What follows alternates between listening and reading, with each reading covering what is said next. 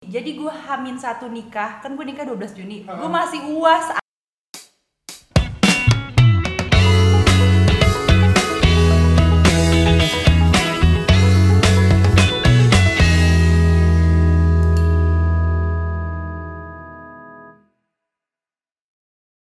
Halo semuanya, welcome to Dialog Selasa. Pada hari ini, gue akan mengangkat tema Hard Decision Making dan juga Work-Life Balance. Gue, Rama, selaku staf humas BEM FEBUI, akan ditemani oleh Kayla. Hai, gue Kayla. Oke, mungkin sebelumnya lu bisa perkenalin dulu diri lu dulu kali ya, Kay. Oke, em, halo semuanya, nama gue Kayla Putri Firmansyah. Gue eh, mahasiswi Fakultas Ekonomi dan Bisnis Universitas Indonesia, kelas khusus internasional, jurusan manajemen. Oke. Oh iya, sebelumnya congrats ya atas wedding lu. Thank you. Oh ya, by the way, lu KKI kan? gue KKI, Single atau double degree? gue single. Single ya. Oh, oke oke. By the way lu di FE tuh panitnya apa aja deh? Gue panitianya itu eh, UI Music Fair, Music Gallery, sama kalau kalau HIPMI itu himpunan ya berarti ya? Oh, HIPMI tuh organisasi. Organisasi ya. Kalau Hmm. organisasinya berarti HIPMI.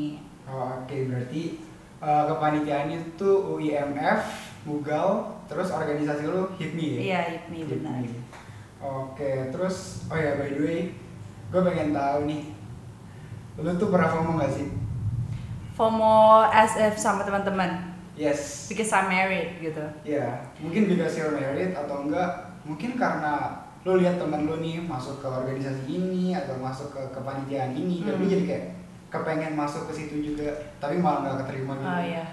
Sebenarnya gue udah ngelewatin masa-masa itu di semester 1 Oh. yang gue nangis banget sumpah karena eh, nggak tahu sih apa cuman gue doang yang ngerasain atau emang seluruh anak FEB juga ngerasa kayak rada susah masuk organisasi atau kepanitiaan di FEB Bener. cuman gue awal mulai masuk tuh kayak kok gue susah banget ya? Soalnya kayak gue jujur bukannya gue arogan atau apa ya karena gue ngerasa kayak gue udah banyak pengalaman tapi kok susah banget gitu masuk organisasi dan panitia udah lewat masa-masa nangisnya Hmm. tapi kayak ya udah kayak gue akhirnya mikir emang udah jalani kali gue emang disuruh fokus belajar aja kali.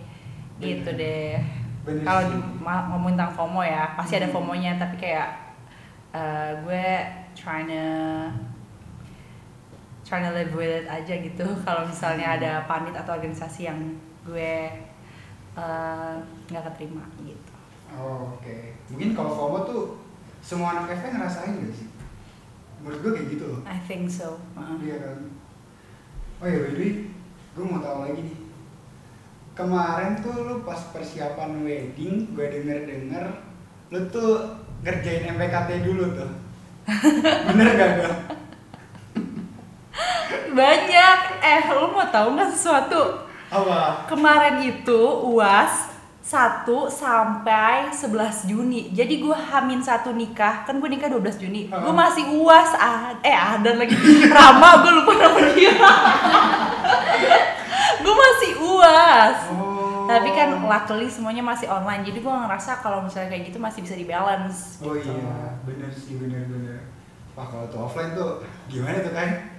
Ya makanya gue gak bisa bayangin tapi kayak menurut gue semuanya udah jalannya gitu loh kayak Iya. misalnya nih kalau misalnya kemarin semester 2 offline Hmm. eh ya udah selesai uasnya juga tanggal 11 kan gue nih kayak tanggal 12 kayak emang udah jalannya dari Tuhan gitu Oh, berarti tuh pas persiapan nikah tuh nggak lu sendiri yang ngehandle ya? Ada orang lain juga? eh sebenarnya kalau misalnya tentang nikahan itu eh gue banyak ngelepas ke orang tua Reza karena secara financially juga dari keluarga Reza semua gitu Oh. jadi gue kayak eh, kalau ditanyain aja ini mau dekornya kayak gimana baju kayak gimana baru gue itu tapi kalau perintilan perintilan itu semuanya eh, dari keluarga Reza gitu Oh, oke. By the way, so far tuh lu tuh keteterannya di matkul apa tuh? Kan pas pernikahan tuh lu kayak keteteran sama MPKT gak sih? ah benar Bener ya? bener banget soalnya gini loh eh, gue ngerasa semester 2 mungkin mata kuliahnya banyak teori ya nggak yang Hmm. kayak ngitung kayak semester 1 kemarin cuman gue rada shock gitu loh wah gila tiap hari tuh ada aja gitu tes gitu atau kayak uh, deadline yang harus dilakuin bahkan hari minggu pun masih ada deadline MPKT kan Iya, bener banget, bener jadi gue tuh jadi gue tuh kadang ngerasa weekend yang gue bisa lepas dari laptop itu cuman Jumat sama Sabtu aja gitu karena minggu gue harus ya udah standby nih gue nyelesain MPKT gitu Oh iya bener. Eh way, lu tuh kalau MPKT ngerjain diskusi juga gak sih dia mas? gue ngerjain sih soalnya Iya. kayak kelompok gue ini ambis-ambis semua nih Rama jadi gue kalau nggak ngelakuin gue kayak bener-bener kayak cuman numpang doang jadi gue selalu jawab-jawabin sih Oh yes, sama sih gue juga gitu. Kebanyakan ambis di MPKT. kelompok lu ya eh Hah? FEB Iya, di kelompok gua. Oh iya, terus mungkin gua mau nanya-nanya dikit nih tentang merit lu kali ya. Iya sure Lu tuh ketemu cowok lu di mana gitu loh? Jadi sebenarnya di tahun 2021 itu kayaknya lagi lockdown apa lockdown kedua. Habis itu eh, ya kita pasti ngandelinnya biasalah handphone kita kan buat nyari entertainment gitu kan. Iya benar. Lu tahu Clubhouse gak sih? Kayak aplikasi podcast gitu yang orang tuh bisa ngomong segala macam satu room dan lain-lain. Gue iseng lah masuk dari situ karena gue ngerasa eh, banyak kenal orang juga di situ, memperluas link gue juga gitu loh. Benar. And then I found this guy. His name is Reza Putrajaya. Dia gue bisa bilang anak gaul Jakarta sih karena temennya eh, modelan selebgram semua. And at first waktu dia deketin gue, gue langsung kayak I was very insecure gitu gue kayak mikir ah ini orang paling cuman fun and games doang nggak mungkin gue diseriusin karena untuk gue keep up lifestyle dia yang ke jaksel jaksel itu kayaknya impossible banget gitu karena gue anak rumahan banget kan Ram. Oh. iya gue anak rumahan banget awalnya Awalnya ya. awalnya Oh, oke oke. and then eh, apa long story short we met each other terus gue dipacarin gue dipacarin gue dipacarin gak enak banget ya maksudnya Ditembak ya? iya gue ditembak Hmm. Eh, dua bulan pacaran dia minta izin ke orang tua gue katanya mau serius sama gue and then uh, I have one month eh one one month buat mikir kayak gue terima nggak ya Eh, Oh. apa gue udah tahu sebenarnya dia mau ngelamar gue itu yang gimmick-gimmick shock kayak oh my god lu gue itu bohong dia udah ngomong ke orang tua gue Oh, oke, Iya. Nah ini kalau misalnya gue bisa jujur awalnya itu orang tua gue, eh, especially my dad itu awalnya nggak bolehin karena Oh. mikir kayak kayak masih panjang banget hidupnya, Hmm. terus kayak eh, my dad nggak mau ngeliat gue kehilangan potensi gue gitu loh, dia masih pengen gue ngejar mimpi dan tetap eh, apa megang value yang lu punya gitu loh. Oh. Tapi Reza ngeyakinin kalau dia bakal tetap nge-guide gue maupun pilihan hidup gue dia bakal support gue secara emosional and financially gitu loh. Oh. Jadi bokap gue kayak ngelihat oh ya udah kalau misalnya Reza masih bolehin Kayla untuk berkarir, eh, Reza masih bolehin Kayla untuk have fun with her friends dan masih bisa support secara finansial dan juga secara agama kan pasti lebih baik ya menikah karena lu tau lah zaman sekarang maksiat kayak gimana. Astagfirullahaladzim. Maksudnya Iya, ini kita udah nggak tabu ya kita jujur aja bluntly gitu. Hmm. dan gue juga nggak asal lah untuk kayak nikah muda kan lu harus tahu betapa perintilan-perintilan yang gue tahu tuh kayak ini kita bahas tentang finansial ya Bener. bener. itu kalau lu maaf dananya kurang itu kayaknya lu bakal miserable sih deh Yes, ini bener. maaf banget sumpah gue jujur banget kayak emang eh, kayaknya kunci pertama untuk nikah bukan nikah muda juga ya Hmm. semua nikah itu lo harus financially stable gitu loh dan Iya. kalau ya gue lihat Reza ya udah ada financially stable dan I really see him as my best friend gitu loh. Oh. karena gue ngerasa gue malah lebih banyak explore hal baru sama dia. Kayak gue diajarin new things lah yang dari dulunya tuh gue kayak kayaknya gue impossible deh ngelakuin kayak gini dan lain-lain gitu. Apa gue belajar banyak dari dia sih jujur. Hmm, dan gue juga gue nggak munafik gue juga lihat bibit bobot bebet ya kali gue. Main kewong aja masih panjang hidup gue Kai, lu punya cita-cita gak sih? Atau impian gitu?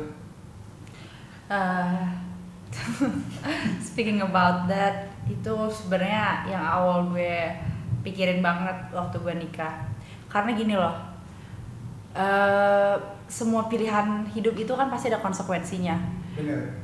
kayak ini yang gue rasain pas nikah itu tanggung jawab gue makin banyak ya apa pun yang gue lakuin gue harus mikirin ya keluarga Reza keluarga gue sendiri. Bahkan Rezanya juga harus gue pikirin siap gue ambil keputusan. Beda lagi kalau lu single lu mau melalang buana ke sana kek mau lu pergi ke sana bodo amat gak ada yang peduli gitu loh. Iya, terus bener banget. semenjak gue nikah gue banyak belajar tentang tanggung jawab banget sih. Itu yang gue ambil. Dan masalah mimpi itu gue sadar pasti kalau misalnya udah nikah misalnya mimpi lu segini lu harus Hmm. turunin dikit ego lu atau mimpi lu sampai segini karena kayak ya you have to think about everyone gitu loh yang ada di keluarga ini which is kind of sad tapi itu kan sebenarnya dari awal tuh konsekuensi gue untuk menikah kan Hmm, bener. tapi dari dulu tuh gue punya mimpi untuk masuk beauty pageant Oh iya. bener banget gue dari dari dari dari gue masih bocil. Makanya gue kan gue kan jadi sampul 2020 juga kan. Nah itu ya bener. iya dan kenapa gue bisa bilang eh, gue bisa bilang lah gue anaknya hustler dan hardworking kalau misalnya mau sesuatu. Karena sebelum gue jadi gadis sampul 2020 itu gue udah gagal dua kali Rama. iya? gue udah gue udah gagal dua kali. Pertama gue nggak masuk dari awal seleksi kedua gue masuk 100 besar Oh, and then uh, uh, in 2020 that's that is my last year buat masuk gadis sampul karena uh, 17 tahun itu batas maksimal untuk masuk gadis sampul kan Oh. tapi gue kayak ini now or never nih gue masuk gadis sampul karena Hmm. uh, gue tuh tipe kalau udah amat gue gagal berkali-kali yang penting gue dapet tujuan itu loh itu yang gue sebenarnya rada malu juga sih nih orang udah nggak masuk dua kali kok masih coba-coba aja sih? Bener-bener. emang lu nggak nggak cocok kali gitu kan? Iya. tapi nggak gue nggak nggak pernah dengerin kata orang sih sebenarnya. Jadi gue kayak gue tetap coba lagi di garis sampul 2020 dan alhamdulillah gue nggak terlalu malu-maluin lah ya. Gue masuk jadi finalis dan dikontrak sama gadis sampul selama 2 tahun gue alhamdulillah tepuk tangan Rama lu gimana sih tepuk tangan. Terus itu loh gue tadi pikiran. Lu tuh berarti ngikutin moto yang quotes quotes tuh gue dulu pernah denger deh. Eh, yang penting itu bukan tujuannya, tapi perjalanannya. Hmm, Bener ya?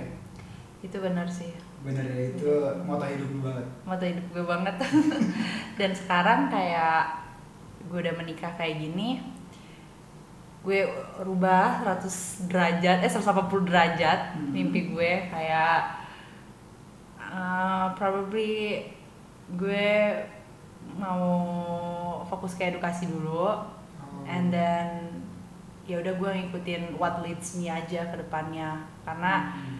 jujur masuk ke keluarga Reza pun itu udah kayak batu loncatan hidup gue karena eh, bokapnya dulu direksi lah terus eh, kakaknya sekarang eh, anggota DPR lah itu kayak gue bisa lihat kayak oh ya udahlah eh, hidup bukan cuma beauty pageant kok masih banyak lu jalan untuk jadi orang sukses. Bahkan wakil direktur mandiri pun perempuan itu alumni FEB juga. She's a mom she's a wife dan dia bisa jadi wakil direktur. Jadi kayak mungkin beauty pageant is not my my my way gitu untuk eh, ngelihat gue menjadi orang sukses gitu kan Oh, dan ya udah gue ngelihat banyak contoh kok kayak kakaknya Reza pun masih bisa kok jadi anggota DPR kayak uh, she's a girl gitu kayak masih banyak lah jalan untuk menjadi orang sukses gitu Oh, bener sih. Oh iya, tadi lu nyinggung tentang pendidikan kan? Lu tuh kan KKI. iya Terus lu tuh ntar mau ke mana nih? oh gue keluar itu negeri keluar. juga ya benar Uh, terus pernikahan lu juga gimana? Coba lu kalau lu keluar negeri. Oke, oh iya, iya gue ngerti. Hmm. Jadi dari awal gue kenal sama Reza, gue udah bilang ehm, di semester 5 ke 6 eh, I'm going to apa pokoknya gue bakal keluar negeri gitu kan karena gue emang itu studi gue gue harus wajib melakukan itu kan dan dari perjanjian kita itu gue ke Belanda Reza di Indonesia. Karena kan dia juga masih ada kerjaan kan. Gak bisa dia ngintilin gue. Dan gue ntar di sana uang jajannya dari mana kalau dia nggak kerja? Ya nggak? Ya nggak? Bener, bener ya, bener ya. jadi emang udah kayak gitu perjanjiannya. Gue ke Belanda Reza di Indonesia. It's only for eight months lah. Nggak bakal kerasa nggak sih? Bener sih. Tapi buat beberapa pasangan tuh kerasa nggak sih?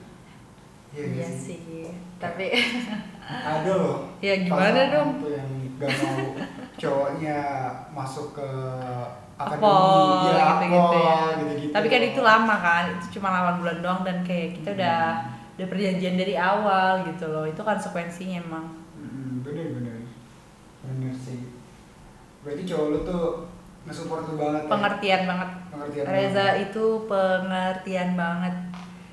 oh Parah. By the way gue pengen nanya dikit nih kalau drama-drama nih lu sering ada gak sih kayak misalkan lupa ngabarin pulang ke kemalaman Hmm. atau mungkin lu lupa makan dia jadi marah Hmm. kan perhatian ya bilangnya kayak gitu Kayak Lu tadi, iya iya gitu gue gitu? ngerti. Kayak yang tadi gue udah bilang Rama, kayak kan hidup mana ada sih yang sempurna gitu. Kayak nggak ada yang fairy tale fairy tale aja bahkan kayak em, gue udah menikah pun malah kayak em, banyak yang harus kita pelajarin lagi gitu loh. Tapi kan yang penting sebenarnya komunikasi kan. Iya benar. Itu tuh ya emang hubungan itu dua arah. Lu tuh nggak bisa kayak ego lu harus tinggi dan lain-lain gitu. Jadi menurut gue apa pun masalahnya yang penting lu komunikasi lu ngomong gitu. Jadi ada bahasa gitu kayak. Misalnya gue bilang ke Reza kayak Reza aku besok eh, pulang malam ya. Karena aku pengen ketemu temen aku udah lama dan lain-lain. Dan harus details gitu. Jadi apa pun masalahnya menurut gue komunikasi emang nomor satu gitu loh. Oh. Yang penting jelas gitu. I see, I see. Terus lu serumah kan? gue serumah. Oh, berarti kalau pengen ngabarin kayak gitu seringnya tuh ngomong langsung. Eh, kan Reza sekarang kerja kan. Hmm. Reza eh, kerjanya juga yang rada rada tentatif gitu loh kadang pulang sore lah kadang pulang malam banget lah gitu tergantung tergantung pekerjaannya gitu loh abis itu Oh. kalau misalnya ya dia pulang malam dan gue belum ketemu ya udah gue telepon aja gitu Oh, I see, I see. Oke, gua mungkin pengen nyinggung dikit nih tentang masa-masa lu di gadis sampul nih. Mm-mm. Gue tuh kemarin lihat kan di IG lu eh, ada followers lu yang ngirimin pesan semangat gitu. iya Kalau nggak salah namanya tuh Dea bukan sih? Kayak gitu tuh. sebenarnya kalau request DM kayak gitu yang semangatin gue atau segala macem itu lumayan banyak tapi yang buat paragraf sepanjang itu Jarang ya. eh ya jarang gitu gue kayak ini orang sincere banget ya kayak bilang eh, aku udah nge-follow kakak dari lama semangat terus ya kan yang lain gue kayak "Oh, orang lucu banget gitu loh kok orang bisa ya tulus padahal dia aja nggak kenal gue gitu loh bahasanya kayak gitu Bener, bener. Tapi lu ngerasa gak sih kalau hal-hal kayak gitu tuh ngebikin lu jadi pengen lebih nginspirasi orang? Iya, that's why gue, um, you know, I started doing TikToks gitu, Mhm. kayak kontennya about nikah muda dan lain-lain, biar orang tuh bisa ngeliat kayak, oh ya nikah masih bisa kok have fun, nikah masih bisa kok um, memiliki edukasi yang baik gitu dan lain-lain. Ya terus gue mulai buat kan TikTok, and gue seneng sih kayak uh, responnya orang-orang juga masih supportive dan lain-lain jadi yang diam-diam kayak gitu lah atau yang komen-komen baik kayak gitu tuh bener-bener boost my mood banget jadi gue kayak ada ada yang nge-trigger gue gitu oh ya gue harus nih uh, jadi orang yang nge-inspired gitu Oh, terus kalau misalkan tadi kan banyak tuh yang ngasih lu semangat kan. Mm-mm. Terus pasti juga ada kan yang ngasih lu kayak hate speech atau toxic kayak gitu deh. Mungkin gue pengen nanya-nanya dikit nih. Lu pernah denger berita buruk atau hate speech apa nih tentang lu nikah muda?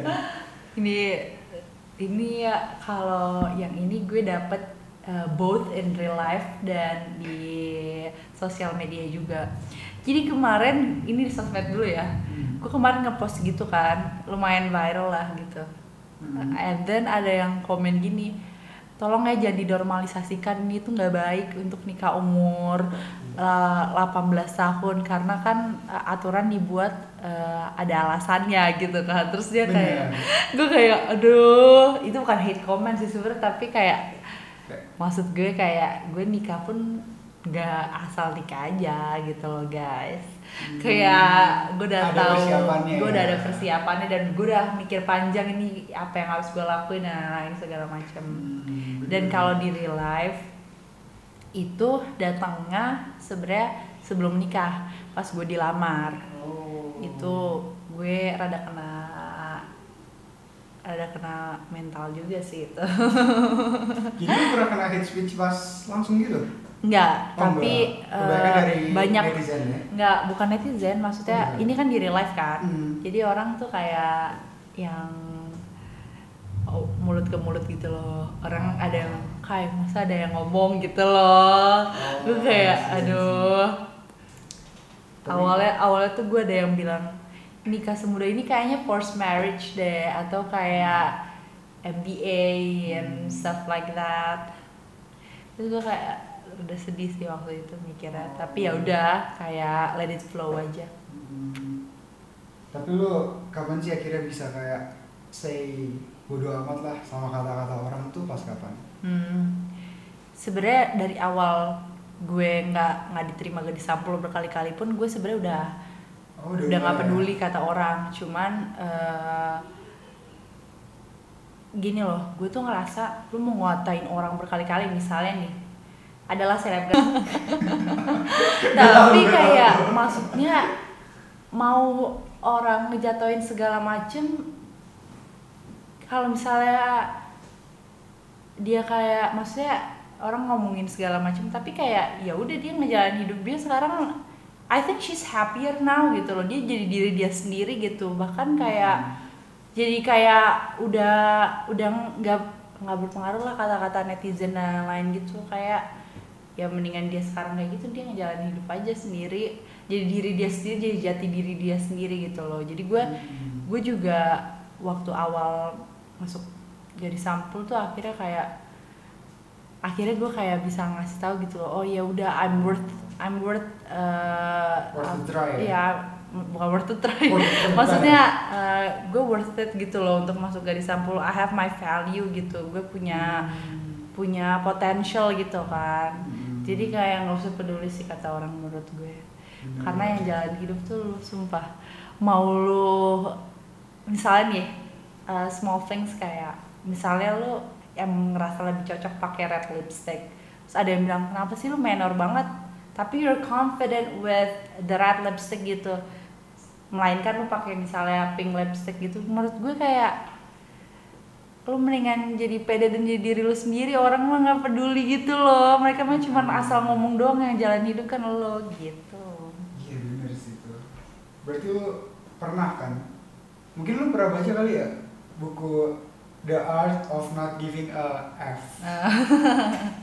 Iya gue waktu itu ya. waktu pandemi awal 2020 nggak ada kegiatan sama sekali. Oh iya bener. And then I met this guy yang dulu pernah deket gitu. Ini anak tuh non eh nonton, ini anak tuh apa baca filsafat filsafat mulu gitu. Oh. Habis itu dia ngasih tahu buku The Art of Not Enough sama Hmm. satu lagi itu gue lupa lagi ya udah pokoknya itu. Itu pokoknya gue ya. baca itu. Eh, dan tuh lu dari dua buku itu tuh akhirnya kebuka ya? Kebuka banget. Kebuka banget. about kayak oh iya bener ya hidup ini apa ya buat ngedengerin kata orang mulu nggak bakal ada habisnya gitu. Benar sebenarnya kayak yang kayak gitu gue udah lewatin jauh banget sih Ram. Hmm, kayak tentang insecure uh, and then kayak overthinking itu gue udah lewat banget sebenarnya. Sekarang kayak ya udah lo jalanin realita aja nggak usah banyak pikiran. Itu yang gue Iya. jalanin sekarang. Bener-bener sih. Terus berarti lu apa ya? Gue tadi pengen nanya nih cuman gue lupa.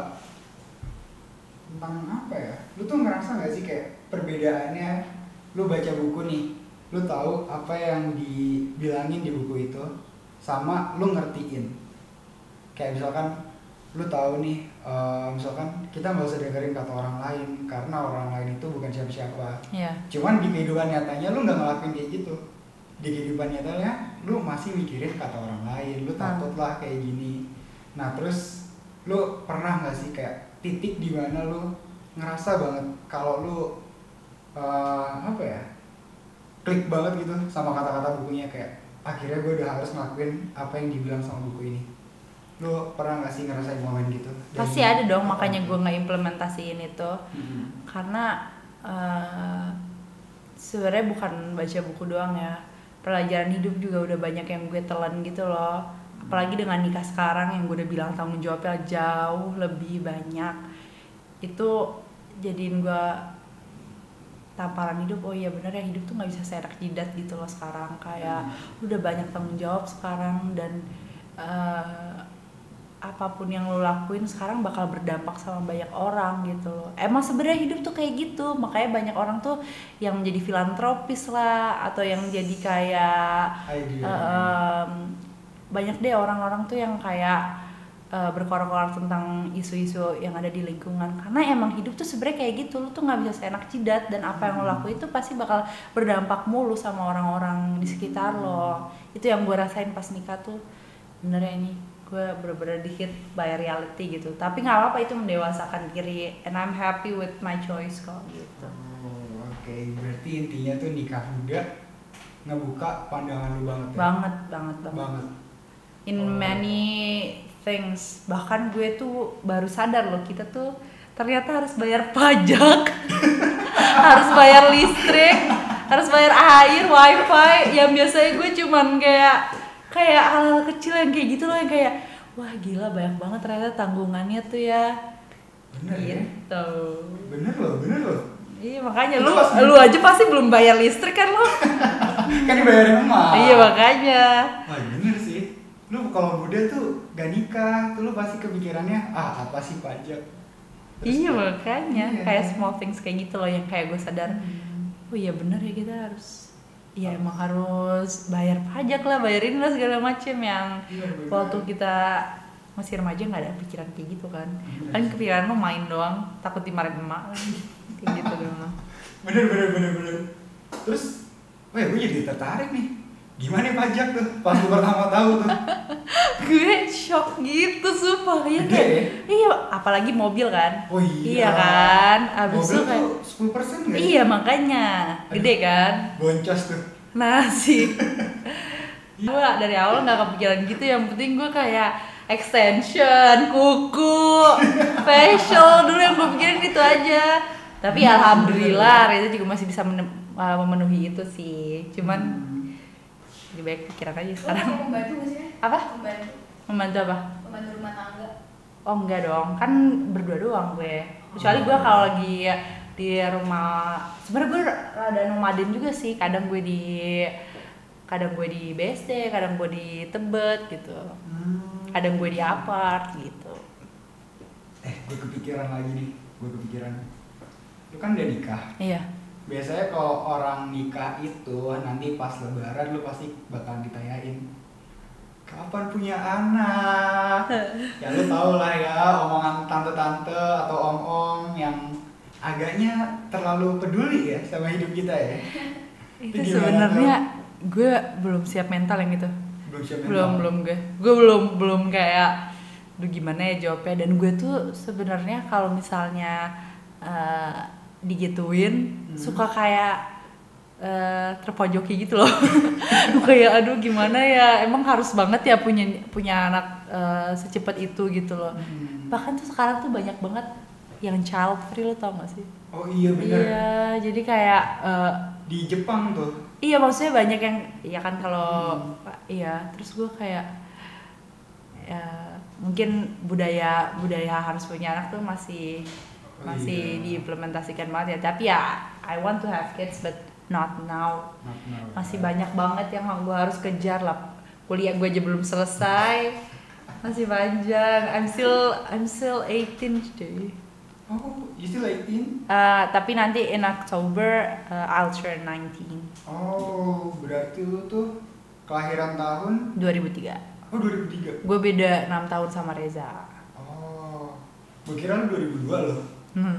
biar setahun doang Rama enam tahun tuh suka itu nggak sih kayak kayak suka beda pendapat pemikiran gitu nggak sih kayak Iya Iya. bener ya, kan beda, Nah, beda umurnya jauh tuh tapi gini loh kan kalau cowok itu emang uh, secara uh, pikiran kan sebenarnya uh, Lebih logik ya bukan mereka malah yang lebih cepat dewasa itu sebenarnya perempuan gitu loh Oh. jadi maupun gue beda 6 tahun sama Reza itu gue ngerasa like what I said before gue ngerasa dia kayak best friend gue aja gitu kayak gue main sama temen-temen dia masih asik dan sebaliknya dia tuh cepet mingle juga sama temen-temen gue padahal mah bedanya 6 tahun kan? Bener ya? Iya jadi nah itu tuh yang gue suka dari Reza. Reza tuh anaknya friendly humble. Maksudnya gue bisa bilang lagi dia kan dari yang orang ada gitu ya. Tapi Hmm. maksudnya dia main sama semua orang gitu loh. Dan itu yang gue pelajarin kayak ih ini orang tuh bener-bener nggak nggak milih-milih ya. Karena jujur gue juga sedikit kayak dulu tuh gue rada picky gitu loh gue mau main Oh. sama yang gue ngerasa cocok aja dan lain-lain tapi Bener, gue bener. belajar banyak nih dari uh, suami gue yang baik dan humble kayak oh iya main sama semua orang yang penting kayak karena kita nggak tahu ke depannya nih orang bisa jadi sukses dan lain-lain Bener. jadi itu yang gue ambil kayak harus ramah sama semua orang kan Re- Reza selalu bilang gitu Hmm. karena kita nggak pernah tahu ke depannya nih misalnya lu awalnya temenan sama temen Hmm. Bolos mulu segala macam. Tapi lu temenin tiba-tiba dia jadi presiden we never know cuy gitu loh. Bener, bener. Ya, bener, tetap. Future be nice with everyone. Heeh, bener bener. Terus oh iya. Lu tuh pengen kan sukses dan lu tuh ada gak sih orang yang lu jadiin inspirasi gitu? Kayak mungkin mungkin lu yang inspirasi lu Najwa Shihab bukan kan tahu sih. kayak lu mau tahu gak satu. Apa? Sebelum I said yes to Reza pas ulang tahun gue lu kepikiran dia? Gue I watch I watch one of her YouTube. Hmm. abis itu di situ gue gue shock parah banget pas tahu that she married uh, when she's 19 dan dia hamil pas lagi ngerjain skripsi and then dia sesukses itu sekarang. Bahkan gue dari dulu nggak pernah mikir dia punya suami nggak sih? Karena gue ngeliat dia kayak independent woman yang bisa stand by herself. Tapi bahkan Najwa Shihab pun sendiri yang kita ngeliat kayak eh, apa seorang yang mandiri dan berani gitu tanpa laki-laki.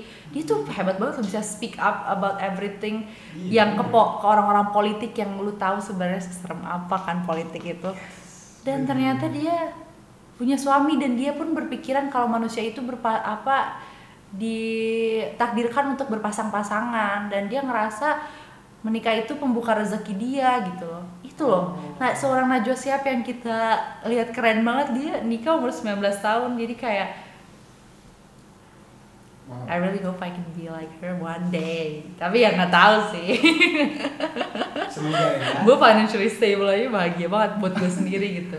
Oh tapi lu udah belum sih financially stable sekarang? Eh kalau dari suami gue iya. Maksud gue Oh. untuk diri gue sendiri Oh, gitu loh. gue tuh pengen kayak punya penghasilan sendiri banget. Makanya kan I start doing TikTok it's because eh, lumayan gitu loh masukannya.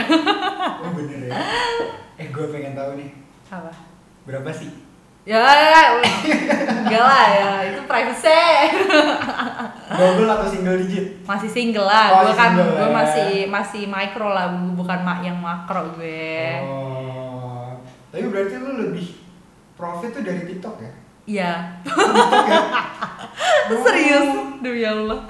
Yes, bener bener. Well lumayan, I start making my own money dari situ dan gue kan juga eh, apa eh, gue ngebalutnya atau kayak gue nge-branding diri gue di TikTok juga nggak yang joget-joget itu. Jadi gue cuma nge-share about my daily life aja sebagai orang yang nikah muda gitu. Hmm. Tapi lu berarti lebih suka buat vlog-vlog gitu ya daripada Iya, yang- gue tuh sebenarnya dari dulu nggak pernah yang joget-joget gitu loh. Emang nggak Oh. suka aja gitu. Oh. Not my thing.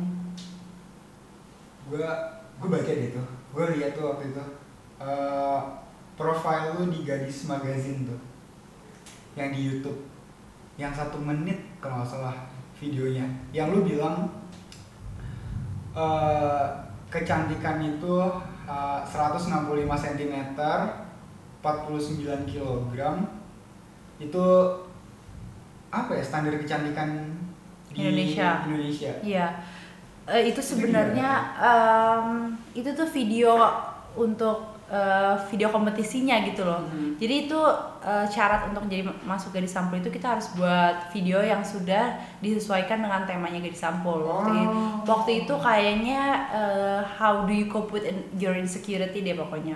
Nah gue ambil dari situ. Dulu tuh gue bisa dibilang dulu kan gue sering casting banget ya Rama Mhm. dan setiap gue casting tuh gue selalu dibilang gue terlalu gendut kayak gue tuh slim thick gitu loh yang Oh iya? kayak Selalu bilang gitu. iya gue 60 gue 60 kg kan dan kalau di kamera itu gue 10 kg lebih besar jadi gue gendut banget deh gitu dan itu tuh awalnya gue kena mental banget kayak aduh gue aja ngerasa teman-teman gue soalnya pada bilang gue kurus gitu loh karena kan gue tinggi Hmm. kayak gue udah ideal gitu loh Iya, ternyata di bener. dunia entertainment gue kayak kurang Sama masuk beda. karena gue kegendutan gitu loh terus gue kayak awalnya stres banget gimana ya kayak ngurusin berat badan gue tuh kayak sampai makan aja tuh sampai tersiksa gitu loh kok gue nggak boleh makan coklat segala macem gitu oh, loh segitunya. iya gue tuh pengen banget nurunin berat badan gue terus dari situlah gue ambil kayak Insecurity gitu ya. em, ya from my insecurity dan eh, betapa gue sedihnya kayak gimana sih cara nurunin berat badan segala macem. Dan dari situ gue ambil tema tem dari temanya terus yang gue rasain kayak F lah the beauty standards gitu loh kayak lo cantik boy apa adanya gitu loh. Cuman kayak um, no matter what shape you have atau no matter what color you have gitu yang penting lo bisa mencintai diri lo sendiri dengan cara merawat diri lo sendiri. Bukannya maksud gue kayak uh, uh, misalnya jerawatan atau gimana gitu. Ya lo harus tetap cara self love lo itu ya lo rawat diri lo gitu. Itu dengan cara lo bisa nerima diri lo sendiri. Salah satu contohnya kayak gitu. Oh, berarti gitu ya. Mm-mm. panjang ya? Panjang ya. ya itu soalnya dari pengalaman gue sendiri sebenarnya. Kan karena yang diomongin kan ku- turunin dong 49 kg rambut rambut lo panjang dong. Rambut lo aneh banget sih. Oh, gue selalu dulu rambut gue soalnya yang segini doang loh. Dia nyuruhnya rambut gue segini. Dari yang casting casting gitu loh. Hmm. gue gue gue pegang-pegang mulu gitu loh. Kulit tuh rada kumel nih. Putihin dikit dong gitu loh. Oh. yang mereka ngerasa ya emang itu ngerasa itu beauty standards Indonesia gitu Hmm. Terus gue pengen nanya nih lagi nih.